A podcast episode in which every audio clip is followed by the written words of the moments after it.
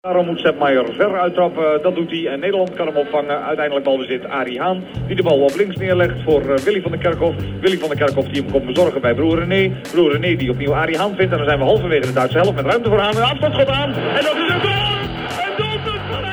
Welkom bij de WK-kopkast van Medisch Contact. Mijn naam is Casper van Koppenhagen, revidatiearts en niet praktiserend sportarts. Deze podcast gaat over de liefde van de dokter voor voetbal. En het bijzonder de liefde voor Oranje op de WK.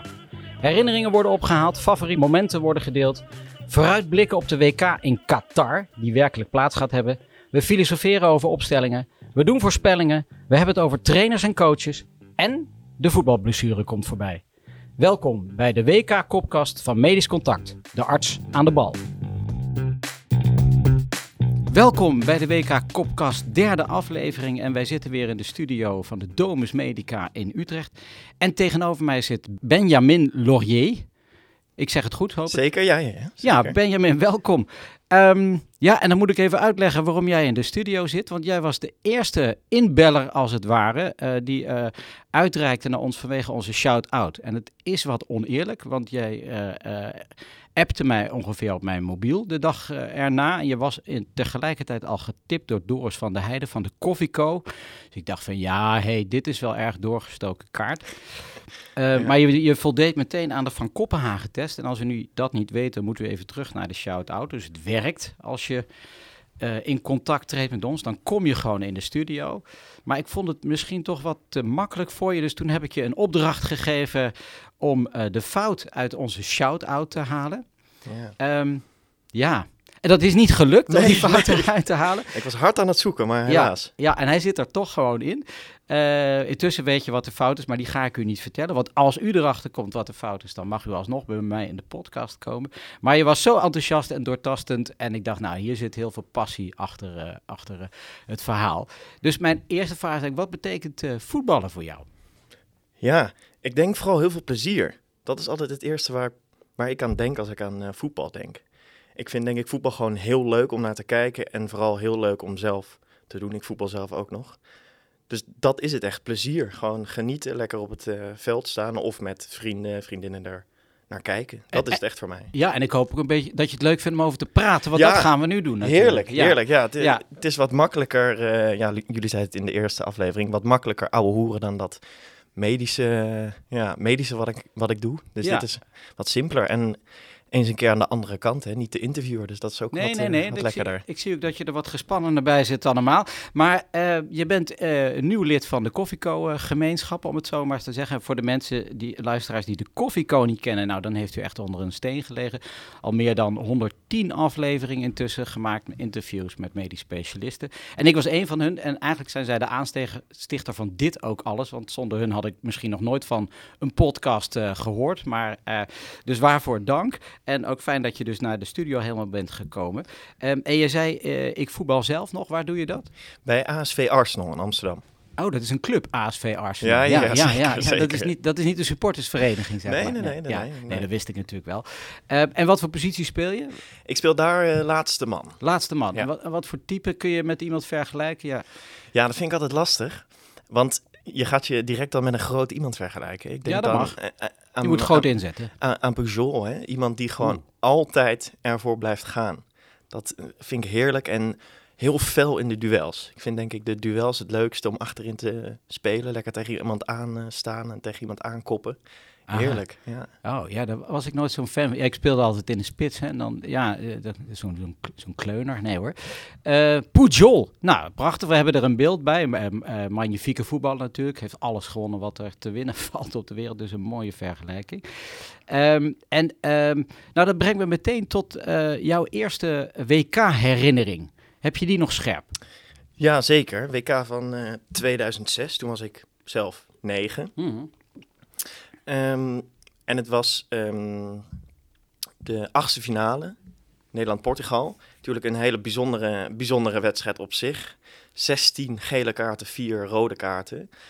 En ik kan me herinneren dat de tweede gele kaart voor Van Bronckhorst toen, was toen ze, ze rood. En hij zou misschien stoppen daarna. En ik vond dat wel echt een voorbeeld voor mij, aanvoerder toen ook. Een uh, goede speler, altijd heel rustig. En ik vond dat fijn om naar te kijken. En ik ja, het, het deed ergens ook pijn dat die dan op zo'n manier zou gaan stoppen. Hè? Want hij Ja. is uiteindelijk toch niet gestopt. nee, toen. dat schijnt. Dat Toch schijnt. niet gestopt. Ja, Maar eh, eh, dat, het is wel mijn eerste herinnering, dus direct ook een pijnlijke. Ja. Maar, Dat had, Ma- had Marijn Howard ook al. Zijn eerste herinnering was, eh, ik meen, de WK 90. Dat is ook zo'n debakel. Dit was echt een... Ik heb die wedstrijd nog wel eens teruggekeken. En voor, ter voorbereiding erop nog eens even de highlights. Maar de highlights waren vooral 18 gele kaarten en 4 rode. ja. Waaronder dus Deco en Van Bronckhorst. Twee stylisten. Allebei uitkomend voor Barcelona. Wat het jaar Ja. daarvoor volgens mij de Champions League had gewonnen.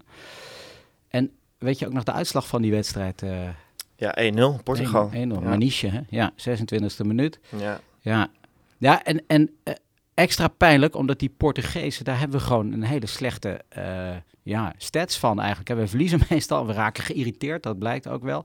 Dat zelfs Van Bronckhorst eh, twee gele kaarten pakt. Ja. En ik zat op, eh, op weg hier naartoe op een fietsje te- na te denken. Ja, 2004 hadden we namelijk de halve finale op de EK. Ook tegen Portugal. Die heb je dan waarschijnlijk net niet gezien. Was je 6, 7. Ja, misschien heb ik hem gezien, maar Ja. ik herinner me dat Nee, niet maar, meer. we- Nee. maar, maar goed, ook toen werden we echt weggespeeld. Hadden we echt geen kans. Eh, iedereen herinnert zich dat toernooi nog als de wissel van Robben. Maar ja, eh, alsof we zonder die wissel wel kampioen waren geworden. Nee, we waren gewoon niet goed genoeg. Want Tsjechië was beter, Portugal was beter. En de Grieken, want die wonnen eh, dat eh, toernooi door een doelpunt van Charisteos. Dus blijf geloven dat een klein land toch nog eh, iets kan winnen. Wie weet. Ja, wie weet. En we hadden natuurlijk al verloren dus in 2004 en nu verloren we weer. En het was eigenlijk met het schaambrood op de kaken dat we ja, met de staart tussen de benen terugreden naar Nederland. Wat niet zo ver was, want het WK was in Duitsland. En wat ik me daarvan herinner, van dat ik voor de eerste keer in mijn leven fan werd van het Duitse voetbal. En eh, dat heeft dan een voorgeschiedenis, nou, waar, we het al, eh, waar we het straks waarschijnlijk ook nog over gaan, eh, gaan hebben. Maar die ging ineens aanvallend voetbal spelen. En zo eigenlijk op zijn Nederlands met Jurgen Klinsmann als coach. En, of niet Klop, hoe heet hij? Leu als assistent trainer. Nou ja, en... ehm, ehm, maar meteen door met jouw mooiste WK-herinnering en jouw optiek. Ja, zeker. En dat, dat is dan ook direct van Bronkhorst. Ik zei het net al, toch niet gestopt. Eh, vier jaar later, 2010, Zuid-Afrika. Halve finale tegen eh, Uruguay. De, de 1-0 van Van Bronckhorst. Een pegel vanaf de linkerhelft. Strak in de kruising. Hij kwam... ehm, ik heb hem een- nog een aantal keer teruggekeken Ja, natuurlijk. Ja, Binnenkant, Ja. binnenkant paal schoot hij hem erin. En wat ik het, het mooie daaraan vond, ik was toen eh, op voetbalkamp. Elke zomer voetbalkamp met mijn, Ah, ja. met mijn voetbalclub natuurlijk. En we waren in zo'n zaal aan het kijken op het scherm. En op het moment dat hij die 1-0 maakte, vloog alles de lucht in. We hadden daar gegeten, alle pannen met het eten vloog door de zaal. En wat ik me ook echt goed kan herinneren, is dat na afloop... eh, iedereen was natuurlijk eh, euforisch, maar dat die dat de, de staf, de begeleiding die mee was, die moest allemaal huilen. En ik dacht, hé, wat, ge, wat gebeurt hier die, om me van, heen? van jouw voetbalkamp, de Ja, staf. ja. Oké. Ja, dus eh, zag ik echt voor het eerst wat het allemaal los kan maken eh, bij ook oudere mannen. Ik dacht, wat gebeurt hier? Ja, eh, nou, ik, ik denk... oudere mannen. Ja, ik denk dat ik ook heb, de afloop heb eh gehuild. Ja, ja. Want dat je gewoon... eh, ik weet dat ik ochtends voor die wedstrijd stond... We, hadden zo'n eh, Ikea wereldkaart eh, thuis hangen. En mijn neefje was er. En mijn neefje is ongeveer jou, nou, jouw bouwjaar volgens mij. Dus een echte millennial, om het zo te zeggen. En enorme voetbalfan ook. En ik wees op de kaart aan Uruguay. Wat je niet kan zien liggen op de wereldkaart. En Nederland kun je ook niet zien liggen. Hè? Twee superkleine landjes. Hoeveel inwoners heeft Uruguay? 3 miljoen. En dat dan de hele wereld die dag kijkt naar die wedstrijd. Uruguay met die, met die magnifieke blauwe shirts, zwarte broeken. Forlan, een, een, een spits van formaat natuurlijk, die ook een wereldgoal maakte Ja, overigens, ja. als je die terugziet. En dan die goal van Van Bronckhorst, ja, een van de meest fijnbesnaarde voetballers. eh, intelligent, eh, echt een gentleman puur zang. Bij prachtige clubs gespeeld. Arsenal, Celtic, Barcelona, Champions League gewonnen. En dan in zijn 105e interland, want dit bleek wel bijna zijn laatste interland eh, Ja, te zijn. Een goal, nou, om in te lijsten. ehm, ik zag gisteren een documentaire van Bergkamp voorbij komen met zijn goal. Maar dit is er ook één waar we het over, waarschijnlijk over 100 jaar nog over hebben. En dat hij zo leuk is, gaan we even kijken of we het naar kunnen luisteren. Met dan commentaar van de, de BBC. Ja. It's familiar Anfield beat. So Van Bommel short. Reckless from Van Bommel, but play goes on. Snyder, De Zeeuw, Van Bronckhorst. Well, he's gone from range and he's found an absolute beauty. Als je hem blijft zien, hij blijft Stunning mooi. goal by the Dutch captain Gio van Bronckhorst. Oh, there was plenty of fantasy about that.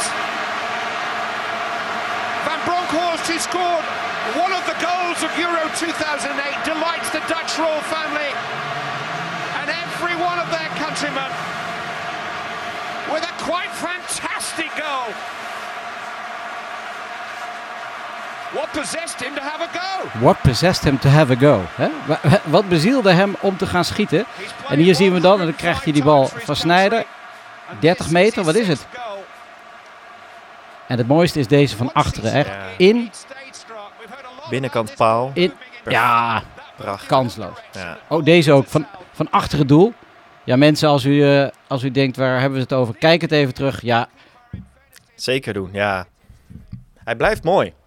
Ja, ja, in alle eerlijkheid moet ik bekennen dat ik eh, kort daarna een, eh, eh, een, op een congres een presentatie moest houden. En dat ik me gewoon erin had. Ik zei, ja, het heeft niets met het onderwerp te maken. Maar ik wil dit op dit hele grote scherm even nog naar deze goal kijken. Terecht, ja, ja. ja.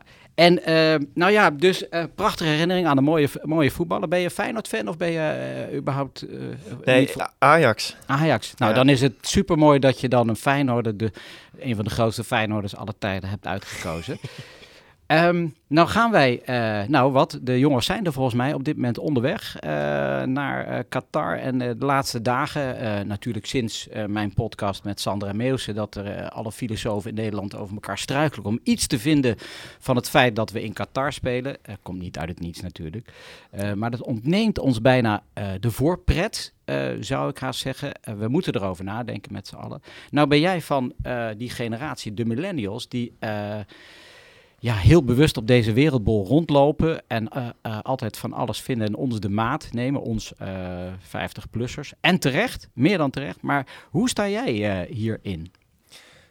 Ja ik, ja, ik val inderdaad onder die millennials. Ik zou mezelf niet echt een activist noemen of iemand die iets onderneemt om te strijden voor die rechten van bijvoorbeeld de LHBTQ-gemeenschap. Maar ik denk dat het in mijn generatie wel meer speelt dan in de wat oudere generatie. Dat merk ik ook wel bij bijvoorbeeld ouders om me heen of eh, opa's en oma's om me heen. Ja. Maar als ik dan met me, mijn vrienden het over heb van hè, gaan, we, gaan we kijken. Ja, jullie hebben het er wel over. Ja, Nou, nou ik, ik kaart het dan aan. En Ja. natuurlijk om te vragen van, hé hey, jongens, eh, gaan we daar naar kijken? Het is natuurlijk wel bijzonder. Niemand twijfelt daarover. Iedereen, nee, nee. gaan allemaal kijken. Allemaal kijken, Ja. ja. ja. Omdat we pragmatisch zijn van het wordt er toch gespeeld. Eh, nou ja, ja, iedereen heeft zo zo'n zo eh, verklaring voor en ze houden vast. En ik ook. Ik, ik, eh, had, ik zocht iedere escape op. En ik heb ook besloten om eh, maar gewoon pragmatisch te gaan, eh, te gaan kijken. Ten slotte moet ik deze WK-kopkast ook eh, ja. een beetje van inhoud voorzien. Hè? Dat- En Ja. op, op radiobeelden, eh, geluiden, moet je mij horen, kom je een heel eind. Ja. Maar, Maar het is, eh, ja, het, het is natuurlijk wel lastig. Want één, aan de ene kant denk ik dat het heel erg mooi is als er wel wat eh, gebeurt. Hè, als de spelers een statement maken. Of eh, bijvoorbeeld het Amerikaanse team dat nu met een regenboogvlag vlag in, eh, in een logo speelt. Hè. Ik, ik Ja. denk dat dat heel goed is. Maar het is natuurlijk wel krom dat je dat dan heel goed vindt, maar dan zelf daar eigenlijk niks aan doet. Nee. En gewoon gaat kijken. Nee. Eh, we hebben het er nu over. Eh, we hebben het er in de vorige podcast over gehad. Dus we, deze WK-kopkast die pleit zich schoon. Slaat helemaal nergens. zeg maar, we, we, hebben ik denk dat dat het belangrijkste is als we dan toch besluiten om te doen. Dat we het er wel iedere keer over hebben. Dat we ons realiseren in wat voor een land en welke omstandigheden. En ja, de wereld is lelijk. Eh, dat, het geldt voor zoveel meer landen. Laten we dit vooral blijven doen. Eh, en ook niet alleen onze westerse bril daarna kijken, maar met de mondiale bril. Zeker. En ik denk dat als het dan in zo'n land gespeeld wordt, dat je dan maar het beste daarvan moet gaan maken. En Ja. inderdaad zo'n land kan aanzetten tot verandering. Want dat, dan bereik je ook iets heel Ja. moois. En laten we maar gewoon winnen. Misschien Dat is dat. ook. Hè, en, en, en dat is, is ons wel toevertrouwd, zeker met deze bondscoach. Ehm, en soms hebben dus practice what you preach. En eh, eh, practice what you preach kwam ook voorbij. Toen ik. eh, er zijn meer mensen die uitgereikt hebben naar aanleiding van onze vorige podcast. Ehm, namelijk een patiënt. Die zei, ja, leuk die podcast, maar die patiënt die komt maar niet voorbij. Dus die gaan we even bellen, deze, deze patiënt. We zijn tenslotte een medische podcast. Zeker. En wij stellen altijd de patiënt centraal. Met Edwin Winter. Edwin Winter, je spreekt met eh, Casper van Koppenhagen. Casper, hallo. Ja, Hey, ja, ja, goed we, spreken, Casper. ja, nou ja, ik kondig je net aan als de patiënt. En dat we ook in dit eh, programma, want je bent live, eh, de patiënt centraal stellen. En eh, jij appte mij, ja, leuk die podcast, maar waar blijft de patiënt? En Ja. jij, Ed, jij voelt jou een patiënt. Ja, dat klopt. Ja, ja, patiënt, een voetbalpatiënt. Hè. Ja. Last van voetbalblessures. Klopt. Ja. Ja. ja. Want jij bent van mijn generatie, hè? Iets, ietsje ouder. Hoe oud ben je ongeveer? Ik ben eh, 54. Ja. Dus eh, redelijk jouw generatie. Redelijk, ja. En eh, tegenover mij zit Benjamin. Die is van de generatie eh, eh, bouwjaar 97. Voetbalt ook nog. Heeft nog nooit een blessure gehad waarschijnlijk. Benjamin? Nee, dat is waar. Ja, nog nooit echt lang geblesseerd geweest, zeker. Ja. Kijk, kijk. Alive and kicking. Hi Benjamin. Hoi, hoi. Ja. Maar eh, vertel Ed, wat heb je op de lever? Nou, ik heb ehm, eh, de, de laatste jaren last van eh hernia-klachten gekregen. Onder in mijn rug.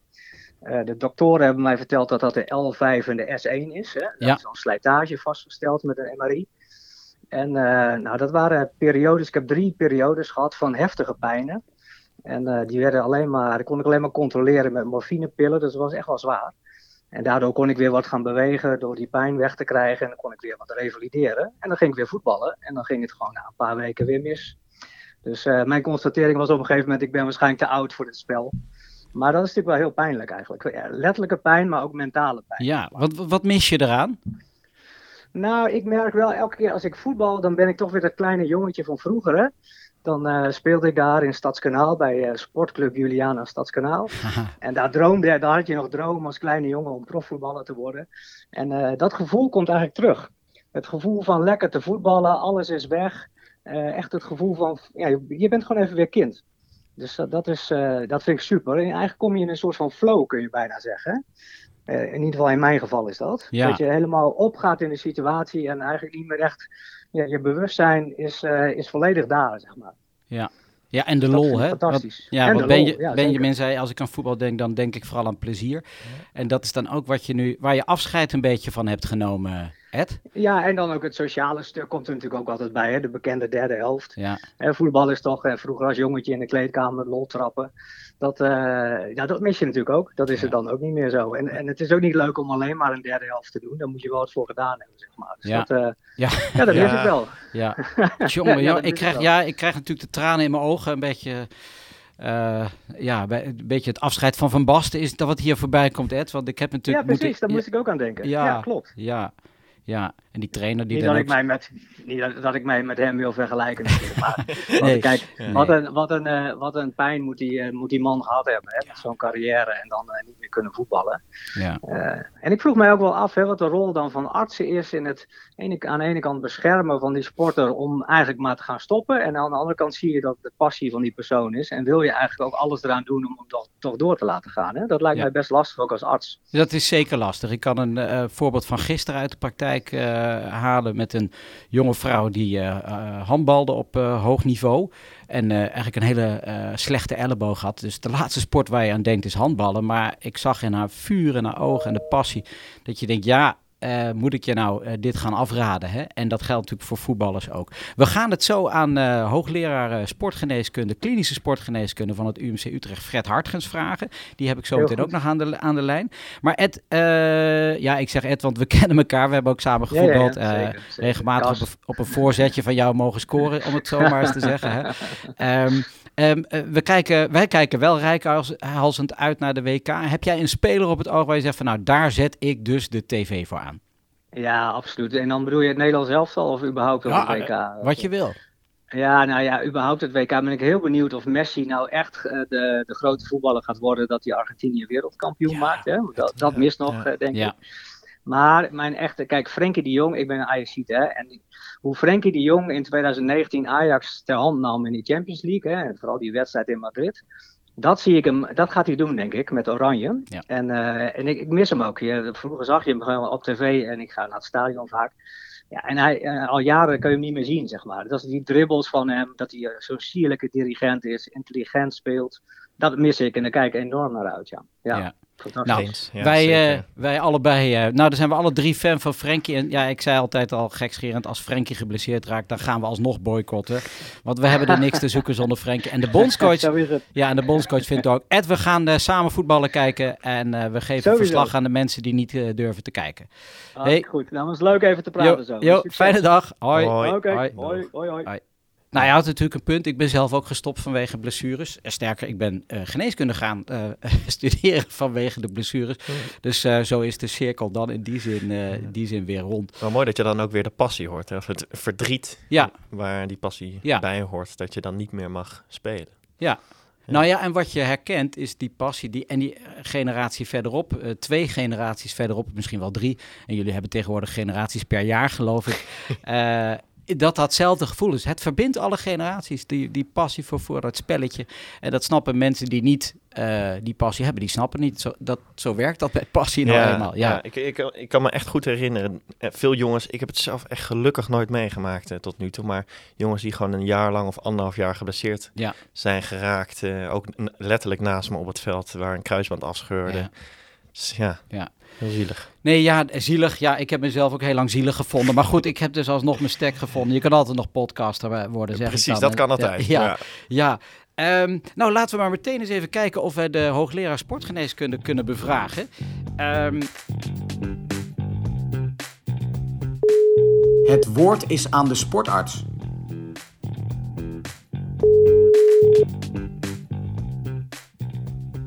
Goedemorgen, Casper. Goedemorgen, Fred Hartgens. Eh, je spreekt inderdaad met Casper van Kopenhagen. En eh, je bent direct in de uitzending. En eh, naast mij zit eh, Benjamin. Goedemorgen, Fred. Goedemorgen. Hoor je ons goed, eh, Fred? Ja, jullie mij ook? Ja, ja, nou je bent dus live in de WK Kopkast, derde aflevering. Eh, en eh, Fred Hartgens, mensen, eh, hoogleraar klinische sportgeneeskunde in het UMC Utrecht. Eigenlijk vers bakken, hè? je bent nog niet zo heel lang geleden aangesteld. Ehm, wilde ik bij deze het podium geven om met ons zijn passie voor voetballen te delen. En mijn eerste vraag, Fred, is eigenlijk, ja, wat betekent voetbal voor jou? Nou, voetbal is eigenlijk een van mijn favoriete sporten. Heb ik altijd zelf bedreven op hoog niveau, maar net niet helemaal eh, de top kunnen halen, door, mede door blessures. En ik ben altijd betrokken geweest in de sport, ook eh, daarna in de begeleiding bij profvoetbalploegen en dergelijke. Dus eh, dat heeft wel een belangrijke stempel in mijn leven gehad. Ja, en je zei zelf op hoog niveau. wat heb je aangetikt en wat was je positie? Nou, ik was een mooie nummer 10. Oh, Dus kijk. Een Ja, mooie nummer 10. En, en, en noem dan eens een, een voorbeeld van je. We zeggen van nou, daar leek ik wel op. Nou, ik denk dat ik, ik was namelijk niet zo snel, dus ik denk dat eh, de oudere generatie dan terugdenkt aan Bernd Schuster, Hey. de Duitse nummer 10. Ja, Benjamin, het is de moeite waard om vanavond te googlen. Een van de, nou ja, in, zijn tijd eh, een van de weinige Duitsers die eh, uitblonken in techniek. Uiteindelijk hadden ze allemaal een hele goede functionele techniek. Maar Bernd Schuster, prachtige voetballer. Ook een eigen gereid figuur hè, die tegen de stroming inging. Een icoon. Ja. Ja, nou, ik vind het, eh, ja, je zet hoog in weer eh, met Bernd Schuster. ja, en je hebt jarenlang eh, begeleiding gedaan van, de, van profclubs in de, in de regio Limburg, als ik me niet vergis. Hè? En nu heb je de, Ja, ja, de oversteek gemaakt naar Utrecht. Kun je iets vertellen over jouw leerstoel, waarbij, waarvoor jij bent aangewezen? Eh, ik heb eigenlijk altijd me ingezet om de sportgeneeskunde op drie fronten verder mee te ontwikkelen. Natuurlijk patiëntenzorg, onderwijs en wetenschappelijk onderzoek. En die ambitie heb ik altijd gehad. Helaas in Zuid-Limburg kon ik dat in Maastricht niet helemaal realiseren. En toen kwam deze positie in Utrecht en toen was ik heel blij dat ik die positie mocht gaan bekleden. Nou, wat hier belangrijke eh, aandachtspunten zijn, is het, vooral het verder versterken eh, van de eh, wetenschappelijke infrastructuur voor de sportgeneeskunde. Dus dat we nog meer en nog beter onderzoek kunnen doen op het gebied van de sportgeneeskunde. Met name om de patiënten natuurlijk beter en met nieuwere dingen te kunnen behandelen. En daarnaast is, zijn een paar belangrijke speerpunten die we daar binnen hebben. Is inderdaad exercise is medicine. Dus inderdaad meer bewegen voor mensen met een aandoening, maar ook natuurlijk voor mensen die nog geen eh, gezondheidsproblemen hebben. Maar vanuit een UMC eh, zit je toch altijd dat vooral met patiënten in eerste instantie te doen hebt. Tweede aandachtspunt, speerpunt, is vooral overbelastingsblessures die onder de knie uh, gelokaliseerd zijn, met name onderbeens- en voetklachten. En het derde punt is, niet verbazingwekkend natuurlijk, dat we iets met voetbal gaan doen. Want we hebben een hele nauwe samenwerking, zowel met FC Utrecht als met de KNVB. Dus dan is de combi, combi om voetbal te gaan doen, wetenschappelijk ook zeer uh, voor de hand liggend. Nou, dan zou ik haast zo schetsen dat er heel veel samenkomt bij deze leerstoel met, met jou. Uh, met je achtergrond en uh, nou, uh, prachtig, ook belangrijk en heel veel sterkte daarmee in de, in de toekomst. Nou had ik net een patiënt aan de, aan de lijn, die had ingebeld omdat hij zei, ja leuk die podcast van je, maar waar jullie altijd met je patiënt centraal stellen, waar blijft de patiënt? En er was een 54-jarige man die rugklachten ontwikkelt, hernia en iedere keer als hij weer gaat voetballen, Um, die pijnklachten houdt en die overheersen zo dat hij uiteindelijk besloten heeft om uh, de, zijn voetbalschoenen aan de wilgen te hangen. Heel bekend komt dat voor. Um, maar zijn vraag was eigenlijk, ja, hoe doe je dat nou als uh, sportarts zijnde, dat er mensen op je spreekkamer komen en die eigenlijk hè, die passie en dat vuur voor die sport hebben, maar het eigenlijk niet meer moeten doen? Dat heb je vast wel eens om handen gehad. Ja, he helaas wel. Dat is altijd, zoals in ons uh, vakgebied, behoort dat dan tot de slecht nieuwsgesprekken. En uh, nou ja, dat, dat pak je dan aan doordat je wel alle opties van tevoren gaat bekijken van qua diagnostiek en qua mogelijkheden qua belasting. Maar dan heb je inderdaad toch een klein deel van de mensen waarvan je helaas moet zeggen van uh, ja, dit gaat hem niet meer worden, dat sporten. En dan ga je kijken naar enerzijds naar of er alternatieven zijn als mensen daar aan toe zijn. Ja, uh, met sportactiviteiten die gewoon dan minder belastend zijn voor ja, de blessure die iemand heeft. Ja, maar, maar dokter Hartgens, dat voetballen, dat is het allerleukste wat er is. Eh, dat hoor je mij ook niet ontkennen. ja. Ja. Maar uh, dat is dan wel een, ja, dan is het een afweging van hoe belangrijk je gezondheid is. En proberen de mensen ook inzicht te geven wat de mogelijke uh, nadelige gevolgen op de langere termijn zijn. Als die er verder niet zo zijn, alleen dat iemand pijn heeft, nou, dan heb je al wat meer ruimte om in die sportactiviteiten mee te gaan. Maar ja, als iemand um, ja, eh, vanuit medisch oogpunt toch voor de lange termijn schade, nog meer schade zou gaan toerichten aan gezondheid, moet je dat, vind ik in ieder geval, goed met hem bespreken, hem goed inzicht erin geven. Maar uiteindelijk bepaalt de, de patiënt, CQ, de sporter, toch zelf welk pad hij kiest. Ja, we, zijn we blijven adviseurs. Ja, ik kan me voorstellen dat er vaak genoeg patiënten terugkomen die toch alsnog eh, rekken en kijken waar ze wel kunnen voetballen, bijvoorbeeld. Dat ze toch eh, ja. nog wat extra eh, kwaad hebben gedaan aan een al bestaande blessure. Ja. ja, nee, dat, dat dus zeker. zeker ja, uh, uh, we hebben een hele prettige patiëntenpopulatie, want die zijn altijd heel gemotiveerd om veel te doen voor hun sport. Ook uh, zeg maar medische zaken om die sport te kunnen blijven beoefenen. Maar dat is soms ook hun nadeel voor als ze dan inderdaad in de situatie komen dat ze uh, zo'n uh, ja, zo'n zo'n vervelend gezondheidsprobleem hebben, waardoor eigenlijk de sport die ze zo graag doen niet meer gaat of niet meer gaat op het niveau wat ze zouden willen beoefenen. Ja. En zich dus moeten adapteren zoals het hele leven een grote adaptatiecircus is eigenlijk. Hè? En Fred, heb jij zelf ook uh, die beslissing moeten nemen om te stoppen met voetballen of bal je nog wel eens? Nee, nee, nee. Ik heb helaas, en dat was een van mijn, uh, van mijn uh, voetbalfrustraties, dat ik zeer ver in de jeugdselecties in Nederland zat. En uh, toen een zware blessure kreeg, uh, waardoor ik anderhalf jaar niet heb kunnen voetballen op mijn leeftijd 17, 18 jaar. En uh, toen heb ik daarna bes maar besloten om vooral mijn studie de prioriteit te geven. En heb ik wel altijd op het hoogste niveau in het amateurvoetbal gespeeld. Alles gewonnen in het amateurvoetbal wat er te winnen valt. Dus ik kijk je... toch heel, met heel veel genoegen ja. terug op mijn carrière, voetbalcarrière. Ja, en welke club is dat? SV Meersen of... Nee, nee, nee, het Meersen is een aantal jaren later. Dit is VV Caesar uit Beek. Dat ligt bijna bij Meersen. En daar hebben wij eigenlijk uh, ja, hoofdklasse kampioen, oh. Nederlands bekerwinnaar gewonnen alle, allerlei regionale uh, bekers uh, winnen van de, van, weet het, van de district en dergelijke. Uh met een, dus met, eigenlijk heel ja. succesvolle jaren gehad. Met een fijn besnaarde nummer 10 in de, in de basis, uh, Fred. Hartgens. Ja. Fred, ehm, tot slot, jouw favoriete, of eigenlijk je eerste WK-herinnering, die, is, die is beklijft bij jou. Kun- Wil je die met ons delen? Ja, heel graag. Eh, Uit welk jaar stamt dat is die? een hele...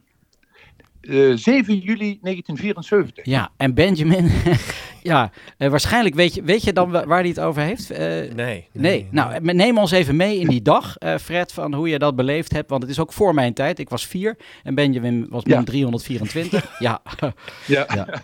nou, ik was, ik was 14 op dat moment. Aha. En, eh, En al helemaal gek van voetballen, denk ik. Ja, helemaal. Kijk, er bestond niks anders voor mij dan voetbal. En ja, toevallig af en toe ook nog naar school gaan. Ja. En eh, die dag eh, was een mooie dag, want eh, we gingen tv kijken naar de WK-finale Nederland-Duitsland. Op het WK in Duitsland. En het was voor het eerst dat wij een kleurentelevisie hadden. En dus een, voor het eerst van mijn leven zag ik een wedstrijd, een voetbalwedstrijd in kleur. Dat kan de huidige generatie zich niet meer voorstellen. Maar daarvoor was Nee. alles in zwart-wit. Magisch, hè? Dus dat Ja. was het eerste mooie. Dus we zaten voor de tv en men wilde gaan beginnen met de wedstrijd. En wat bleek toen? Bij een WK-finale, je kunt het niet voorstellen, men was vergeten de cornervlaggen neer te zetten. Bizar. Ja. ja. Ja. ik heb de Ja. beelden teruggezien. Ja, het is bizar. Oh. Ja, ja. Ja, dus dat heeft men even moeten doen voordat eh, Jack Taylor kon fluiten voor de aftrap. Nederland mocht aftrappen. En die begonnen eh, op zijn Hollands dat balletje lekker rond te spelen, zo'n beetje arrogant. Totdat Cruijff die bal kwam ophalen bij de middenlijn. En die ging een sprintje per man voorbij. En werd in de 16 meter door Bertie Volks gevloerd. En na, binnen één minuut had Nederland een penalty. Nou, Onwaarschijnlijk. dus die twee minuten van voor, één minuut voor de wedstrijd tot één minuut in de wedstrijd, dat is voor mij eh, ja, twee sensationele minuten. Ja, ja. Nou, ja, Alleen het eindresultaat was ik wat minder blij. Was iets minder, hè? Ja, ja, ik zei in mijn eerste podcast, zei ik, eh, ik stoot nu een hele generatie tegen de, schop ik tegen de schenen om te zeggen dat die Duitsers misschien wel helemaal niet onterecht gewonnen hadden. Want ik heb die wedstrijd nog eens teruggekeken en eh, ze waren eigenlijk ook wel heel goed, hè, die Duitsers. Eh, maar we waren zo goed in die eerste fase dat je denkt, we gaan er maar 3-0 overheen. En Ja. eh, eh, is ook nooit meer vertoond volgens mij zo'n actie dat binnen een minuut eh, eh, eh, 1-0 Nee. op de klok staat en de Duitsers de bal helemaal niet hebben aangeraakt. Gewoon niet, niet aangeraakt, eh, Benjamin. Het, geeft, het biedt eh, ergens weer altijd weer hoop, zeg maar. eh, dit soort mooie momenten. Eh, ik zou het fijn vinden als we in de finale komen dat we hem een keertje winnen. Ja, dat zeg zou maar toch? zijn. Eh, want is dat nog een pijn die je nog, die je nog wel eens voelt, eh, Fred? Nee, nee, nee, nee, nee. Ik, eh, ik, ik, ik aanvaard het leven zoals het is. En eh, zeker voetbal moet ik dan toch in de categorie de belangrijkste bijzaken Ja. eh, categoriseren. Het is, het is maar een spelletje, maar wel een belangrijke. Eh, Absoluut. ja, Fred, hartge- hartstikke dank voor je, voor je bijdrage in deze WK-kopkast. En we spreken elkaar snel. Succes met je leerstoel. Dankjewel. Doeg. Oké, fijne dag Yes. nog. Hoi. Ik krijg eh, heerlijk wat huiswerk mee op deze manier Ja, om eh, terug ja, te kijken. Ja. Ja, dat kan. Maar, dat kan zijn. Maar ik ga je me even laten zien. Want je weet echt niet waar we het over hebben natuurlijk. Nee, ja. Ehm, ik ga hem even voor je opzoeken. Want dit werd uiteindelijk 2-1 voor Duitsland. Ja, ja kijk. Ja. Eh, kijk, dit was wel de Van Kopenhagen test overigens gedeeltelijk. Want je moet natuurlijk je geschiedenis eh, ja, kennen. dat is waar, dat is waar. Ehm, dit is het begin. Nederland speelt eh, in de bekende oranje shirt en witte van links naar rechts. Herman Kuiphoff die de verslag doet. Herman Kuiphoff. Krol, Rijsbergen. Harry Haan. Zuurbier.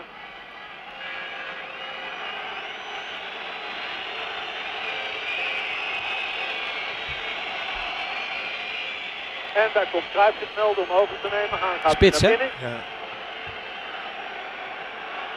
Rijsbergen. Een duidelijke intimidatiepoging van Nederland. Zo lang de bal in bezit, dat is geloof ik al de zevende paas. Zo niet de achtste. Zonder dat er een Duitser aan de bal is geweest. Kruif, Kruif. En inderdaad heeft hij poging bij zich. Kruif gaat alleen door, wordt neergelegd. En het is een penalty in de eerste minuut. Ja, jongens, jongens, jongens, een penalty. Bij de bank, de Nederlandse bank is iedereen opgesprongen. Hij komt op de stip, ja, en terecht. Beckenbauer is boos. Ja, prachtig. Cruijff, Cruijff kwam hem echt halen, hè? Ja. Mooi beschreven. Ja. Terug ja, je bent een Ajaxiet, maar. Cruijff is natuurlijk de grootste Ajaxiet en de enige eh Ajaxiet die groter is dan de club. En die komt Ja. gewoon het balletje ophalen. Ja. Dus die speelt op alle posities en eh, totaalvoetbal. En hij rent, hij begint te rennen en hij rent die 16 in. En Bertie Vogts die denkt niet na, maar die glijdt. En eigenlijk was het een superschwalbe, want hij had er overheen kunnen stappen en hem eh, na- kunnen schieten. Maar penalty en eh, nou, dan moet je hem ook nog maar eens even maken. Ja, precies. Ja. En ja, als je die wedstrijd terugkijkt, dan snap je niet hoe de wedstrijd heeft kunnen kantelen in die eerste helft al. Die Duitsers die komen uiteindelijk op met 2-1 en door een, een in, het woord Schwalbe is daar uitgevonden, Hulsenbein. Eh onthoud die naam of vergeet hem weer. Eh, over de knie bij Jansen, werd het 1-1 en eh Gerd Müller die 2-1 maakte. En jij en ik hadden die bal tegengehouden, zeggen we wel eens. Ja. Het leek een redelijke blunder van Jan Jongbloed. En een droom aan Diggelen. Aan de andere kant, er wordt nog steeds met heel veel bewondering over dat elftal gesproken. En dat is wat Cruijff altijd gezegd heeft. Het gaat niet om winnen van de prijs, maar het gaat om het winnen van de schoonheidsprijs. Daar, ja, daar kan je over. Ja, hij, eh, hij- eh, Cruijff heeft natuurlijk akelig veel gewonnen en Ja. wilde eigenlijk alleen maar winnen. Maar Ja. eh, het is wel zo dat overal eh, waar je komt eh, eh, in de wereld eh, en mensen van mijn generatie en daarvoor, die kennen Cruijff. En, eh, en Mijn daarna- generatie ook nog. ja, zeker, en, en daarna pas Nederland, zeg maar. Hij is nog steeds groter dan, dan wat ook. Ehm, maar we verloren. Net als dat we in 78 en 2010 verloren. En misschien, ja. en misschien gaat het weer. eh, want ik geloof wel heel erg in de schoonheid. Het wereldelftal aller tijden. Dat brengt ons op het, het eh, prachtige item eh, WK elftal aller tijden. Nou eh, eh, hebben we een aantal elftallen voorbij horen komen van eh, Marijn Houwert, van Maarten Smalen en van mijn persoontje. Ik ben wel benieuwd hoe de millennial daarna kijkt wie die, eh, wie die meeneemt. Ja, Vertel. precies. Ja, ik vind dat je als millennial ook wel een, een beetje spelers uit, uit de, deze generatie, hè, de wat jongere spelers mag kiezen. En ik kies ook alleen spelers die ik heb zien spelen. Anders wordt het eh, wel Ja. heel lastig voor Ja. mij, want dan moet ik... Nou, ik denk, ik denk dat we erop uitkomen dat dat wel een beetje het criterium gaat worden. Dat maakt het misschien ook leuker. Ah, aan de andere kant, ja, als je je geschiedenis niet kent en je hebt net die WK 74 eerste minuut gezien. Ja, ja, ja, Ja. ja, ja. Maar ga, eh, vertel, vertel. de- ik ben dus zit er niet in. Dat kan, ik, Oh. alvast, kan ik alvast vertellen. Ja, ja, ja. Ja, Oké, op het goal. Courtois. Ja. Ehm, heerlijk, gewoon echt een lange keeper. Wedstrijden, die wedstrijden kan winnen. Verdediging is een, een bijzondere combinatie van Brazilië, Spanje en eh, Barcelona en Madrid. Is wat tegenstrijdig. Ja, Dus we hebben eh, links, eh, linksachter en links in de verdediging Marcelo en Ramos. Eh, dus Brazilië en Spanje en Real Madrid. Ehm, en Real Madrid. En dan, ik noemde hem, ik ver, ver- vergeleek mezelf met hem. eh Puyol eh, samen met Ramos eh, centraal achterin. Aha, Ehm, en die mag van mij ook de captainsman dragen. oké. Ehm, Pujol of Ramos? Nee, Pujol. Oei, ja. Ja, Gunnen ze dat elkaar? Nou ja, dat moet je dan Da- maar even als trainer ja. voor elkaar krijgen. Ja, maar ik, ik zie wel eens filmpjes van, van hem dat hij elke bal achterna duikt. In het goal, eh, soms handen op de rug eh, naar een bal toe duikt. Eh, geweldig. Passie. Ehm, en rechts achterin eh, Dani Alves. Ja. Ja. Die kent Pujol natuurlijk ook zeker. Ja. Middenveld. Middenveld, ehm, Zidane speelt, die heb ik niet veel zien spelen, maar Genoeg. genoeg om hem erop te zetten. En dan op nummer 10, ik, ik noemde het aan het begin al, plezier. De man met de grootste glimlach, Ronaldinho, staat bij Aha. mij Ja. erin. Ja, ik, ik, vond, ik vond het echt altijd geweldig om naar te kijken. Ik Wat heb, hij allemaal deed. ik heb meteen dat balletje uit stand in de bovenhoek uit eh, tegen Chelsea volgens mij. eh, Dat hij dubbele schaar uitstand en dan een balletje in de bovenhoek schiet. Ja. Zo, nou ja, en dan die grote glimlach. Ja. Prachtige voetballer. Zeker. En ehm, wat, wat controlerender, eh Pierlo. Ah, Pirlo. Pirlo, Pirlo. Ja. nou, ja, fantastisch middenveld. Ja, Ja, is niet echt iemand die de bal afpakt eh, bij, geloof ik. Nee, hè? nee da- daar zat ik ook over na te denken. Maar we hebben toch altijd de bal. Hè. Dat Oh is ja, vaker ja, dat mocht. Ja, we, ja. Als, Dan eh, voorin, heb je er nog drie voorin? Ehm, ja, dat is echt een eh, onmogelijke opgave voorin. Maar ja, Mbappé mag niet ontbreken. Nee. Dat is wereldklasse speler, jong. Dus die gaat erin bij mij. Eh, Messi gaat rechts voor. En eh, in de spits Nou, ben ik Ook- benieuwd. ook lang, lang over getwijfeld. Eh, toch Benzema. Va ik heb hem vaker zien spelen dan andere spitsen, omdat ik hem toevallig vaak heb zien spelen, weet niet waarom. Maar hij, hij doet altijd zulke bijzondere dingen. Hij staat altijd op de juiste plek en gewoon echt een spits die ze gewoon maakt op een moment Dat het moet. dat het moet. Ehm, en dan wil ik er wel bij zeggen dat, dat hij in de 60ste minuut gewisseld wordt Ah. voor zijn eh, misschien wel protégé Haaland. Ah, Die, eh, Oké, ja. Nou, je hebt inderdaad jonge gasten erin, Ja, heel de- mooi. Maar hij, die moet het nog wel... Ja, hij die moet het nog bewijzen. Ja. Maar op, op dit moment, als je aan een, een spits denkt die groot kan worden, is het Haaland. Ja. Dus eh, die krijgt van mij eh, een optie. Ik zou Pirlo wisselen voor Frenkie. Dat is natuurlijk ook mijn generatie. Eh Pujol mag eruit voor de licht ook. Oh, je Oh. hebt ook over alle wissels na. Ja, drie ja, wissels? Ja, of- drie wissels, ja. ja. En dan nog eentje, wat we, we wisselen continu door. Dat, ge, dat gedonder met drie, vier wissels. Gewoon net als hockey en ijshockey. Ja. Ja, da- dan zou ik natuurlijk Van Bronckhorst inzetten voor eh, Marcelo links. Die komt vanuit de tribune, vanaf de tribune. Nou, ik vind het een fantastisch elftal. En eh, ik heb er één grote glimlach van. Pirlo en, en Ronaldinho en Zidane op het middenveld. Nou, nou, nou. Zidane- Bijzondere combinatie. Zie, zie dan maar eens de bal te krijgen. Prachtig. dank.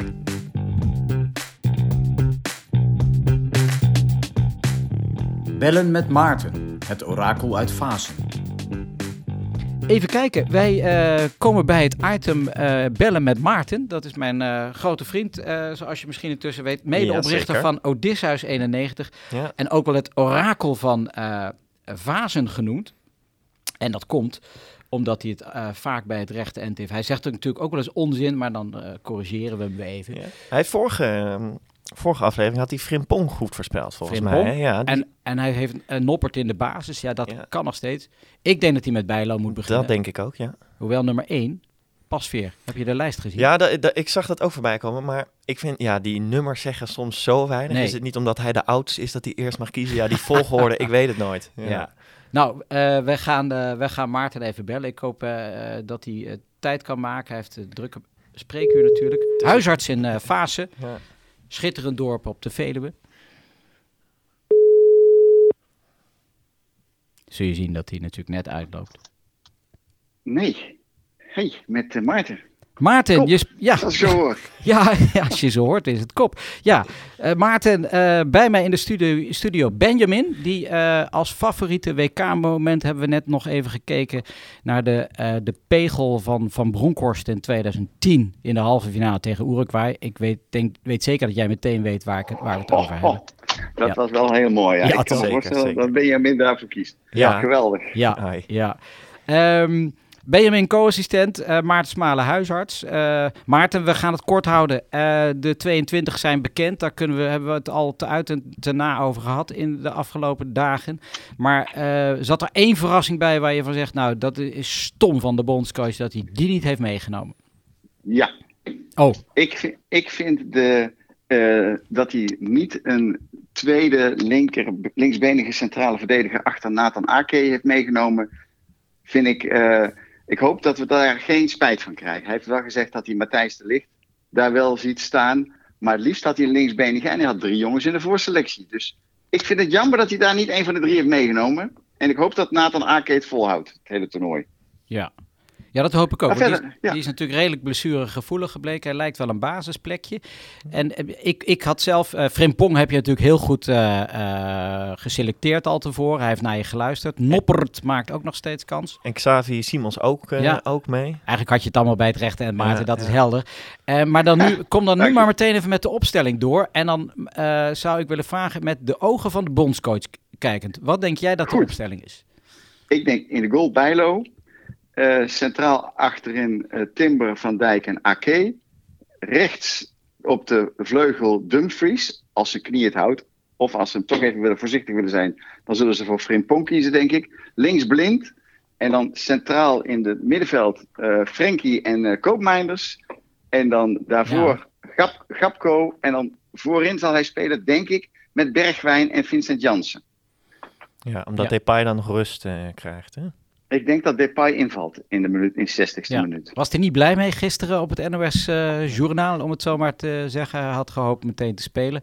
Ik denk dat het super verstandig is. Eh, ik vind het wel verrassend dat hij voor Vincent Jansen gaat eh, kiezen en niet voor Luc de Jong. Had voor mij ook eh, gemogen. Ik dacht, ja. ik dacht eigenlijk, Maarten, hij neemt eh, Wouter Weghorst en Luc de Jong mee. Dan gaat Luc de Jong in de basis komen, want dan heeft hij een wissel achter de hand. Exact, dat is ook precies mijn gedachte. Dat Oh, denk ik ook. En ja. het, is, het maakt het wel interessant, want eh, Senegal speelt altijd met een 4-2-3-1 opstelling. En dat maakt het tactisch interessant. Wat Van, wat, eh, wat van Gaal gaat doen. Die andere twee teams, Qatar En eh, Ecuador, die spelen gewoon 4-4-2. Dan is het minder boeiend, denk ik. Maar nu is het heel interessant wat die, hoe hij die, die verdediging van ons gaat opstellen. Of hij ervoor kiest om AK van Dijk en Timber alle drie in de mandekking te zetten. Dat zou kunnen. En dan heel hoog druk zetten. Dat zou nog kunnen. Dus het is, ik ben heel benieuwd hoe hij dat oppakt. Ja, en nog heel even terug. Jij zegt blind in de basis. Dat is natuurlijk vrij controversieel eigenlijk. Hè? Die man heeft afgelopen weken nou niet laten zien uit te blinken in, in vorm. En uh, waarom kies je toch voor blind? Omdat ik denk dat de uh, flanken tegen, uh, tegen Senegal veel ruimte gaan krijgen. Dat Dumfries en Blind de vrije rol gaan krijgen. Als je kijkt naar het spelsysteem van Senegal en Blind aan de bal is gewoon echt een, uh, een hele sterke speler. Die kan echt openingen creëren. Ja, dus ja, ik denk dat je met, als je met vijf verdedigers speelt, dat Blind prima kan. Met een vier verdedigend systeem zou ik niet voor Blind. Ik zou precies hetzelfde denken. Blind moet spelen als hij niet hoeft te verdedigen, maar lekker kan aanvallen met, uh, met de bal aan de voet. Ja, Exact, nou, dan, zijn we het daar. Ja. Dat moet, we geven het Alfred Schreuder ook even door waarschijnlijk. Uh, hoewel, die zal de winterstop uh, niet halen, denk ik. Uh, Maarten, dank. We gaan, ja, we kijken toch rijkhalsend uit. Even nog één klein detail, zeg maar. We wisten bij jouw wereldelfter niet veel van Saturnus en Tunis. Van Senegal weten we eigenlijk ook niet veel. Natuurlijk de grote Mané, die geblesseerd lijkt te zijn. Heb jij nog andere spelers waar je zegt, daar moeten we even rekening mee houden? Of gaan we van onze eigen kracht uit? Ik denk dat Mané is daar echt de absolute ster. Maar ze hebben ook jongens die, die uh, bijvoorbeeld die Koulibaly, dat is echt een geweldenaar die nu bij Chelsea speelt. Ja. En wat mij vaak, wat mij opviel, is dat hun centrale verdedigers vaak goals scoren in dat team. Dus ik denk dat we daar erg op moeten letten als, daar een, uh, als zij richting de goal gaan of bij hoekschoppen, dat we de centrale verdedigers van Senegal extra in de gaten moeten houden opletten bij corners. We geven het uh, de jongens mee. En uh, Maarten, tot balance zou ik zeggen. Nou, Benjamin en Casper, nog veel plezier. Dank. En uh, dank weer. Hoi. Hoi. Hoi. Ja, nou, geen spel tussen te krijgen. En nee. daar worden we gewoon kampioen uh, mee. Ja, die blind. Ja, ik ben, ik ben benieuwd. En er is natuurlijk altijd, uh, in ieder toernooi is gebleken, en ik kijk al een tijdje toernooien, dat er één verrassing in de opstelling komt. In 88 was dat Erwin Koeman. In uh, 74 en 78 waren het middenvelders die centrale verdediger werden. Waardoor het kwartje gaat vallen. Dus we weten ook nog iets niet. Nee, ja, ik, precies dat. Ik, ik was een beetje wedstrijden ook terug aan het kijken. En ik kan me herinneren van, van de drie WK's die ik heb gekeken, dat inderdaad zo'n jonge jongen, volgens mij in 2006 en 2010 was het Elia die dan ja. inderdaad iedereen in één keer meeneemt, omdat hij dan zoveel energie brengt. Inderdaad dan, ja, het WK heeft dan iets waardoor zo'n jongen helemaal... Ja, ja Elia was twee, 2010. In 2006 waren het Robben. Uh, uh, van Persie, Snijder en Van der Vaart die er aankwamen. Robben scoorde de 1-0 tegen Servië. Van Persie de 1-0 schitterende bal tegen, tegen Ivoorkust. Die vrije bal in de kruising. En dat maakt dan dat zo'n team opgelift uh, wordt. Uh, en ze hadden natuurlijk een, een, een, een perfect elftal verder met Van Nistelrooy in de spits, die er ook al een balletje in kon schieten. Zeker. Dus ergens hopen we nog op een, nou ja, zou dat misschien Xavi Simons kunnen zijn, hè? Ja, ja ik denk dat die kans er wel in zit. Ja, zeker. Ik Prachtige denk dat, voetballen, toch? Prachtig, ja. Ik denk dat als hij gewoon in, in ja, de eerste drie wedstrijden minuten mag maken en misschien wat geluk uh, aan zijn kant heeft en, en scoort of zoiets, zoiets meekrijgt, ja, ja, Dat, dat het dan echt ja. geweldig mooi kan worden. Ja. ja. Nou, ik krijg er eigenlijk uh, steeds meer uh, zin in. Hè. We, het was een beetje uh, gedownsized door de media. Ja, ja. en nou, we vinden onze weg erin. En we maken het steeds bespreekbaar wat er allemaal gebeurt in Qatar. Heb jij nog iets op de leven wat je kwijt wilt aan het luisterpubliek van WK Kopcast? Nee, ik, ik, denk, ga vooral met plezier kijken. Dat, dat doe ik ook altijd. En ik hoop dat er uh, ja, weer, weer iets bijzonders gaat gebeuren. En zo'n uitblinker als uh, Xavi Simons zou ja, geweldig zijn, denk ik. Ja. En, en het verschoppen, dat ja, lijkt mij ja. geweldig. En laten we de grootste ster van het toernooi niet vergeten. Louis van Gaal, ga zijn film zien mensen. Uh, Benjamin Laurier, zeg Zeker. ik het goed? Ja, en ja, wat we nog niet gemeld hebben, welke universiteit studeer jij? aan de Vrije Universiteit Aan de Vrije Universiteit in Amsterdam. Dankjewel voor je tijd en je, en je bijdrage aan deze podcast. Dank dat ik hier mocht zijn. U luisterde naar de WK Kopkast, een productie van Casper van Kopenhagen in samenwerking met Medisch Contact en Medfeed. Niets missen van de WK Kopkast? Abonneer je gratis op deze podcast.